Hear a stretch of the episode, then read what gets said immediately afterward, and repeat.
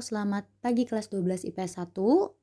Ya, kembali lagi hari ini di mata pelajaran sosiologi bersama saya Ibu Syafa. Di mana pun kalian mendengarkan podcast ini, semoga selalu dalam keadaan baik dan semoga selalu dalam keadaan sehat ya. Oke, eh, sambil mendengarkan materi di podcast ini, silahkan kalian membuka materi yang sudah Ibu berikan di WhatsApp group. Boleh sambil makan ataupun sambil tiduran, tapi jangan sampai pules ya tidurnya. Ya, eh, pada pertemuan kali ini kita akan melanjutkan pembahasan materi tentang bab 4 yaitu mengenai kearifan lokal dan pemberdayaan komunitas. Nah, di pertemuan sebelumnya kita sudah sampai pada pemberdayaan komunitas. Hari ini kita lanjut ya mulai dari slide kedua tiga eh, sebelum masuk ke pembahasan mengenai materi partisipasi komunitas dalam pemberdayaan. Nah, Ibu harap kalian sudah pada baca nih mengenai materi partisipasi komunitas karena eh, di minggu lalu Ibu sudah sampaikan ya kalau hari ini kita akan membahas mengenai materi tersebut. Nah, sebelum itu kalian bisa lihat nih di slide ataupun di halaman kedua tiga kalian uh, masih ingat ya mengenai ragam pemberdayaan komunitas melalui kearifan lokal? Uh, ibu uh, mencontohkan di slide tersebut atau sudah Ibu jelaskan juga di pertemuan sebelumnya, Ibu itu mencontohkan pemberdayaan dari Kampung Batik di Taman Sari, Yogyakarta untuk masyarakat tradisionalnya. Nah, kalau untuk masyarakat modernnya eh, itu dari pemberdayaan masyarakat di kota khususnya untuk masyarakat ataupun kelompok marginal kemudian dengan adanya komunitas seribu satu buku maupun komunitas jendela. Nah, eh, lalu bagaimana nih kita bisa memaksimalkan potensi kearifan lokal dalam pemberdayaan komunitas ini sehingga eh, hal ini tuh bisa melestarikan kearifan lokal ataupun eh, mensukseskan program pemberdayaan ini seperti contohnya program pemberdayaan uh, yang dapat bermanfaat untuk komunitas di Kampung Batik Tamasari di Yogyakarta. Nah, uh, caranya itu ada di slide selanjutnya. Jadi bisa kalian lihat ada enam tindakan untuk uh, apa namanya memaksimalkan potensi kearifan lokal dalam pemberdayaan komunitas. Ada enam tindakan. Yang pertama itu ada menjaga keautentikan berbagai kearifan lokal. Nah, hal menjaga ini bisa dari memberi ruang untuk hidup e, dari nilai-nilai lokal yang mereka anut atau percayai. Nah, dalam hal ini e, karena kan pada kenyataannya masih ada beberapa kebudayaan yang memang belum terkontaminasi oleh budaya luar seperti suku Baduy dalam, suku anak dalam maupun hal lainnya. Nah, dari tindakan e, kita memberi ruang untuk e, hidup ataupun dari nilai-nilai lokal tersebut, hal ini kita bisa memaksimalkan potensi kearifan lokal dalam pemberdayaan komunitas agar e, kearifan yang mereka anut itu juga tetap terjaga di samping adanya pemberdayaan komunitas yang berlangsung. Nah, untuk tindakan yang kedua yaitu menjaga eksistensi budaya lokal. Nah, menjaga eksistensi ini dapat e, kita lakukan untuk memperluas fungsi kearifan lokal tersebut agar bisa memenuhi fungsi-fungsi di luar fungsi aslinya. Nah, mungkin e, kalian masih bingung nih ya, bagaimana bisa e, kearifan lokal ini bisa memenuhi fungsi-fungsi di luar fungsi aslinya. Nah, contohnya itu kalian bisa lihat dari uh, upacara-upacara adat ataupun pergelaran lain yang dilakukan oleh suku-suku yang ada di seluruh Indonesia. Salah satu contohnya bisa kita ambil dari pergelaran Barong Rangda di Bali. Nah, contoh dari pergelaran Barong Rangda di Bali ini kalau kita lihat dari konteks aslinya ataupun fungsi aslinya itu dijadikan sebagai tradisi ritual adat. Nah, sedangkan di luar fungsi aslinya itu bisa dijadikan untuk pertunjukan atraksi pariwisata untuk bisa e, menambah pemasukan bagi masyarakat ataupun komunitas di Bali. Nah, untuk tindakan yang ketiga yaitu kearifan lokal sektor pertanian. Nah, contohnya itu seperti nyambuk gunung di Jawa Tengah untuk menghindari longsor seperti yang sudah Ibu jelaskan ya di pertemuan sebelumnya. Nah, untuk tindakan yang keempat yaitu kearifan lokal dalam penanggulangan kemiskinan. Nah, untuk contohnya mungkin kalian ada yang masih ingat nggak dengan masyarakat cipta gelar? Nah, eh, kalau kalian lupa, mereka itu kan punya kebijakan dari toko adatnya untuk tidak boleh menjual beras uh, sehingga hasil panennya itu hanya untuk masyarakat uh, cipta gelar dan berasnya itu hanya ada di lumbung padi. Nah, kearifan lokal dari kebijakan ini ataupun dari gotong royong dari masyarakatnya yang membuat komunitas ini jauh dari ancaman kelaparan sehingga masyarakat Cipta Gelar itu bisa menanggulangi kemiskinan yang terjadi untuk komunitas ataupun masyarakat Cipta Gelarnya sendiri. Nah, untuk tindakan yang kelima yaitu kearifan lokal dalam sektor ekonomi. Contohnya itu eh, adanya UMKM. Jadi kearifan lokal ini bisa mendorong terbentuknya UMKM bisa dari sektor pertanian, peternakan, kerajinan ataupun lain sebagainya untuk bisa memenuhi kebutuhan masyarakat. Dan yang terakhir, kearifan lokal dalam pedoman hidup ini dapat dilihat dari segi kemanusiaan, terus juga kemampuan memilih yang baik dalam era globalisasi ataupun bisa menghidupkan kembali kebudayaan dan kearifan lokal yang sudah ada. Nah, jadi ada enam ya tindakan memaksimalkan potensi kearifan lokal dalam pemberdayaan komunitas.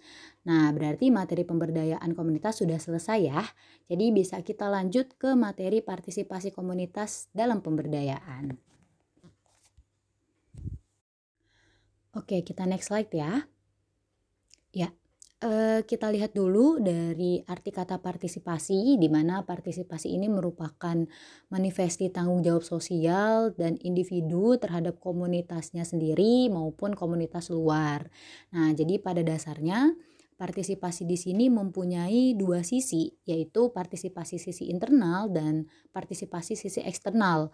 Nah, kalau partisipasi sisi internal ini dia adanya rasa tanggung jawab memiliki terhadap komunitasnya, sedangkan partisipasi sisi eksternal ini terkait dengan bagaimana individu itu bisa melibatkan diri dengan komunitas luar yang terkait dengan e, komunitasnya.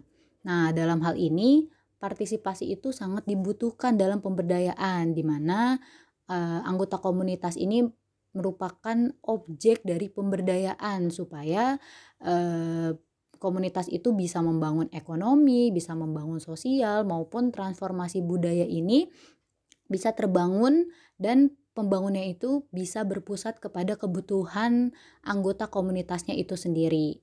Nah, menurut Dadang Juliantara, di sini partisipasi komunitas dalam pemberdayaan itu merupakan keikutsertaan dalam perencanaan, pelaksanaan, sampai evaluasi program pembangunan. Nah, kemarin eh, kita sudah membahas pemberdayaan komunitas itu dari sisi lembaga swasta ataupun pemerintah. Nah, untuk kali ini kita akan uh, lebih membahas kepada anggota komunitasnya agar mereka itu dapat berdaya maupun dapat mandiri sehingga tidak bergantung kepada orang lain.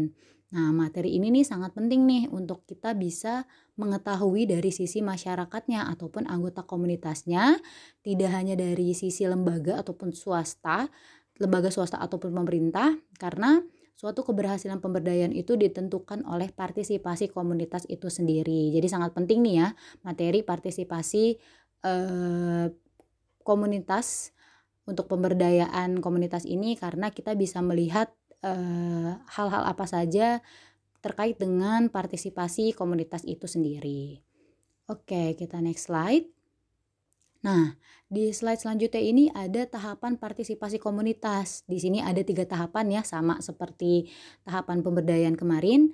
Di sini ada partisipasi tahap perencanaan, partisipasi tahap pelaksanaan atau implementasi, ada partisipasi tahap evaluasi dan pemanfaatan. Di sini ada tambahan pemanfaatannya nih. Nah, untuk partisipasi tahap perencanaan, di sini kegiatannya itu eh, pada tahap ini masyarakat itu bisa ikut berpartisipasi atau berperan memberikan usulan, memberikan saran, kritik dalam pertemuan yang diadakan serta mereka ini terlibat dalam perencanaan dan strategi dalam penyusunan kepanitiaan maupun anggaran. Jadi itu untuk partisipasi tahap perencanaan. Nah, kalau untuk partisipasi tahap implementasi ataupun pelaksanaan, dalam hal ini mereka anggota komunitas ataupun masyarakat itu terlibat dalam pelaksanaan suatu proyek. Mereka itu bisa menyumbangkan ide, gagasan, tenaga, uang atau materi lain yang memang e, sebagai wujud partisipasinya mereka untuk pemberdayaan komunitas ini. Dan partisipasi terakhir yaitu partisipasi untuk tahap evaluasi dan pemanfaatan, di mana uh, mereka ini ikut berpartisipasi dalam evaluasi untuk kemajuan komunitasnya serta pada tahap pemanfaatan ini mereka memelihara dan mengelola proyek yang memang sudah dibangun di pemberdayaan komunitas.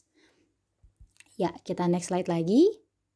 Nah, di slide berikutnya ini ada faktor dan bentuk partisipasi masyarakat.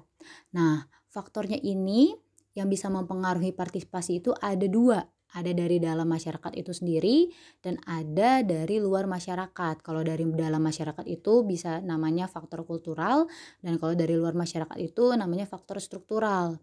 Nah, untuk faktor kultural ini dia bisa dari eh, kepercayaan diri masyarakat, terus dari solidaritas, tanggung jawabnya, komitmen, musyawarah dalam pengambilan keputusan, kepekaannya mereka, kemauannya mereka, kemampuan ataupun kepentingan anggota komunitas ataupun masyarakatnya. Jadi itu yang terkait dengan faktor kultural ataupun faktor dari dalam masyarakat itu sendiri.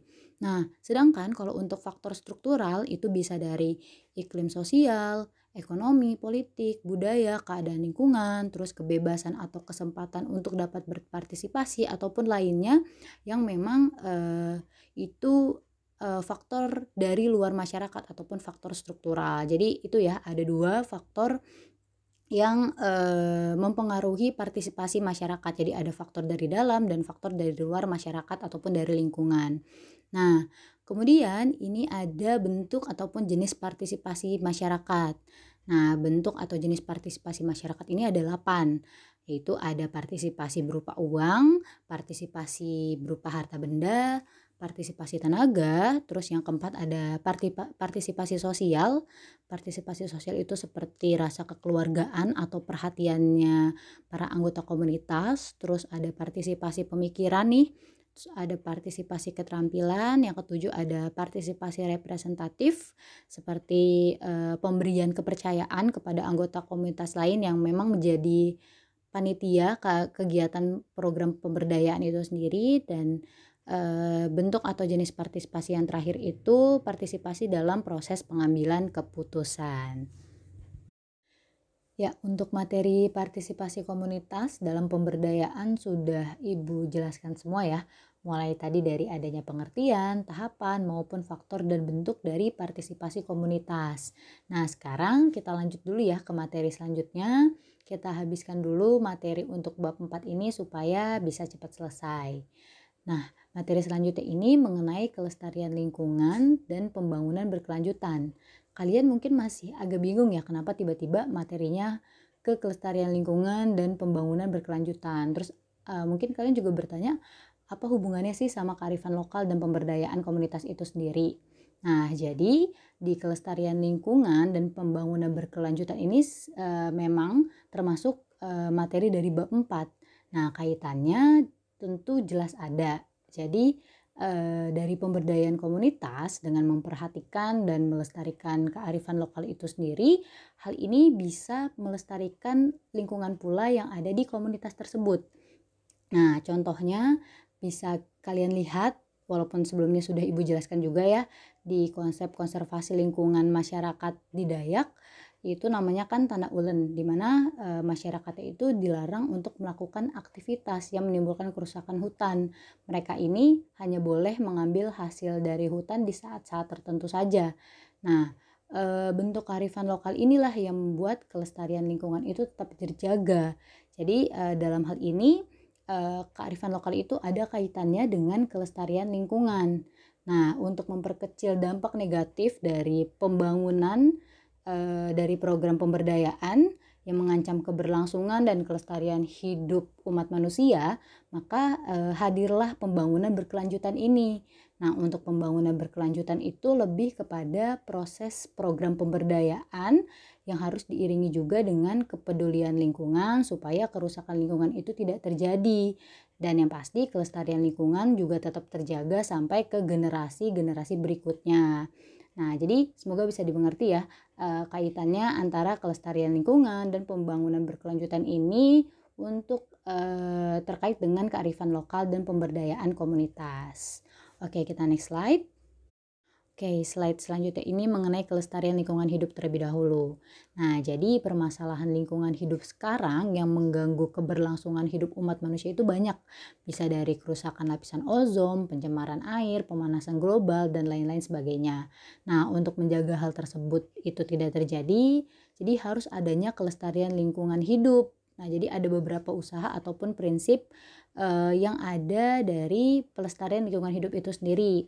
Ada reduce untuk mengurangi eksploitasi, ada reuse untuk berusaha ataupun berupa menggunakan kembali barang-barang ataupun hal-hal yang terkait dengan uh, lingkungan, terus juga ada recycle, mendaur ulang, ada recovery, memulihkan kembali, dan yang terakhir ada reserve, di mana reserve ini dia memperbaiki kembali hal-hal uh, mengenai lingkungan itu tadi. Nah, di Indonesia sendiri ini uh, Indonesia tuh sudah melakukan upaya perlindungan dan pelestarian lingkungan di mana upaya ini sudah tertuang di dalam Undang-Undang Nomor 32 Tahun 2009 tentang perlindungan dan pengelolaan lingkungan hidup. Nah, jadi dalam undang-undang tersebut perlindungan dan pengelolaan lingkungan hidup ini merupakan upaya sistematis dan terpadu yang dilakukan untuk melestarikan fungsi lingkungan hidup yang meliputi perencanaan, pemanfaatan, pengendalian, pemeliharaan, pengawasan, serta penegakan hukum. Oke, kita next slide dulu. Ya, eh, slide selanjutnya ini mengenai pembangunan berkelanjutan. Nah, di dalam undang-undang yang sama, yaitu di dalam Undang-Undang Nomor 32 Tahun 2009 tentang perlindungan dan pengelolaan lingkungan hidup di pasal 1 ayat 3 eh, dalam undang-undang ini menjelaskan bahwa pembangunan berkelanjutan ini sebagai upaya dasar dan terencana yang memadukan aspek lingkungan hidup, sosial, ekonomi dalam strategi pembangunan untuk menjamin keutuhan lingkungan hidup serta keselamatan, kemampuan, kesejahteraan, dan mutu hidup generasi masa kini dan masa depan. Nah, menurut William Escher dan uh, Robert Hawley di mana konsep pembangunan berkelanjutan Uh, ini merupakan strategi pembangunan yang memaksimalkan keuntungan dalam jangka panjang dan menghindari eksploitasi sumber daya alam secara maksimal yang hanya memberikan keuntungan jangka pendek. Nah, jadi sebelumnya sudah Ibu singgung sedikit ya. Jadi pembangunan berkelanjutan ini sebenarnya strategi ataupun upaya agar kerusakan lingkungan itu tidak terjadi dan yang pasti kelestarian lingkungan itu tetap terjaga sampai ke generasi berikutnya. Nah, dalam hal ini pembangunan berkelanjutan itu tidak hanya terbatas pada pengelolaan sumber daya alam saja, tapi juga menyangkut keberlanjutan sosial maupun ketahanan sosial. Misalnya berkaitan dengan penyaluran aspirasi dan potensi sehingga mereka itu e, bisa memotivasi dirinya sendiri untuk melakukan perbaikan-perbaikan yang ada di dalam komunitasnya. Nah, dengan menggunakan konsep pembangunan berkelanjutan ini dalam pemberdayaan komunitas Eh, partisipasi komunitas itu sangat dibutuhkan ya agar pembangunan dapat mencapai tingkat pendapatan yang lebih baik, terus juga uh, pemerataan pendapatannya seimbang dan yang pasti lingkungan hidup itu tetap terpelihara. Dan dengan mengadukan uh, aspek ini masyarakat komunitas ataupun anggota komunitas ini bisa disebut sebagai masyarakat yang berkelanjutan. Oke, uh, di next slide ini ada tujuan dan ciri-ciri pembangunan berkelanjutan. Nah, tujuan pembangunan berkelanjutan ini merupakan perpaduan antara pelestarian dan pembangunan untuk menjamin perubahan-perubahan terhadap planet bumi supaya bisa menjamin kelangsungan hidup manusia. Tujuannya sama ya, uh, kurang lebih sama kayak pengertiannya tadi. Nah, untuk ciri-ciri pembangunan berkelanjutan, ya, ciri-cirinya ini ada enam. Yang pertama itu ada menjamin pemerataan dan keadilan. Jadi maksudnya itu adanya kesamaan hak dan kewajiban dalam memanfaatkan dan melestarikan sumber daya alam antara generasi sekarang dan generasi yang akan datang. Nah, untuk ciri-ciri yang kedua yaitu menghargai dan melestarikan keanekaragaman hayati, spesies, habitat, ekosistem agar terciptanya keseimbangan lingkungan.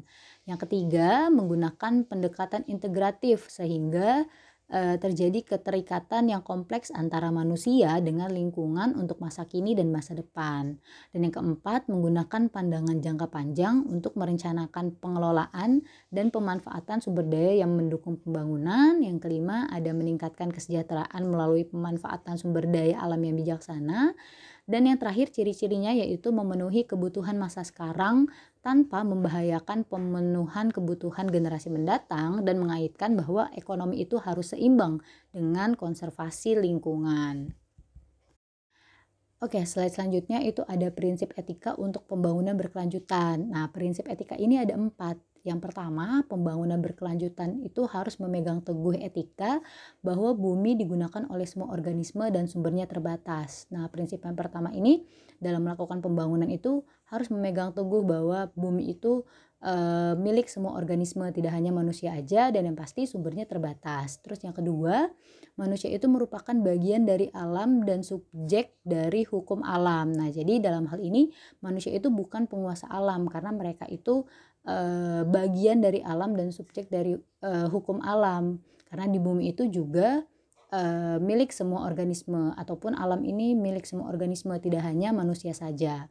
Terus yang ketiga, manusia yang bekerja sama dengan kekuatan alam merupakan manusia yang berhasil dan yang terakhir prinsipnya yaitu memegang prinsip tegas bahwa ekosistem yang sehat dan berfungsi baik sangat penting untuk semua bentuk kehidupan. Oke, kita next slide. Nah, eh, di slide selanjutnya ini ada faktor untuk menentukan masyarakat yang berkelanjutan. Yang pertama, adanya koreksi terhadap pola kependudukan yang kurang mendukung. Yang kedua, adanya keadaan yang menawarkan prospek jangka panjang bagi terciptanya keadilan. Yang ketiga, gaya hidup masyarakat kota yang industri, di mana gaya hidup ini harus disesuaikan guna pengembangan manusia jangka panjang. Dan yang terakhir, mengerahkan inovasi dan teknologi untuk mengurangi faktor pembatasan sumber daya alam. Nah, kemudian di slide selanjutnya ini ada agenda 21 yang dikeluarkan oleh Kementerian Negara Lingkungan Hidup sebagai uh, strategi nasional untuk pembangunan berkelanjutan di mana strateginya ini ada empat ada strategi pelayanan masyarakat pengelolaan limbah pengelolaan sumber daya tanah dan yang terakhir ada pengelolaan sumber daya Nah, untuk programnya di sini bisa lihat di pelayanan masyarakat, programnya ada pengentasan kemiskinan, perubahan pola konsumsi, dinamika kependudukan dan lain-lain yang bisa kalian lihat di materi yang sudah Ibu berikan. Terus di sini ada pengelolaan limbah, programnya ada program atmosfer, pengelolaan limbah kimia beracun, pengelolaan limbah radioaktif dan pengelolaan limbah padat dan cair. Terus dari strategi pengelolaan sumber daya tanah ada programnya penata gunaan sumber daya tanah, pengelolaan hutan dan lain-lain dan strategi yang terakhir yaitu pengelolaan sumber daya ada programnya program konservasi keanekaragaman hayati, pengembangan bioteknologi, pengelolaan terpadu wilayah pesisir dan lautan. Jadi untuk lebih lengkapnya kalian bisa lihat di materi yang sudah Ibu berikan di WA group ya. Ya, sudah slide terakhir jadi semua materi dari kearifan lokal, pemberdayaan komunitas, partisipasi komunitas hingga kelestarian lingkungan dan pembangunan berkelanjutan sudah Ibu sampaikan semua ya. Ya, berarti bab 4 sudah selesai. Semoga kalian bisa mengerti dan paham mengenai materi dari bab 4 ini. Oke, eh, baik podcast kali ini Ibu cukupkan. Ibu harap kalian bisa aktif bertanya dan bagi anak-anak semua yang mempunyai pertanyaan silahkan kita diskusikan di WhatsApp group ya. Oke, terima kasih kepada semua pendengar, terutama anak-anak kelas 12 IPS 1. Tetap jaga kesehatan semuanya, dan yang pasti selalu patuhi protokol kesehatan di mana pun kalian berada. Mohon maaf atas segala kekurangan, terima kasih semuanya, sampai bertemu lagi.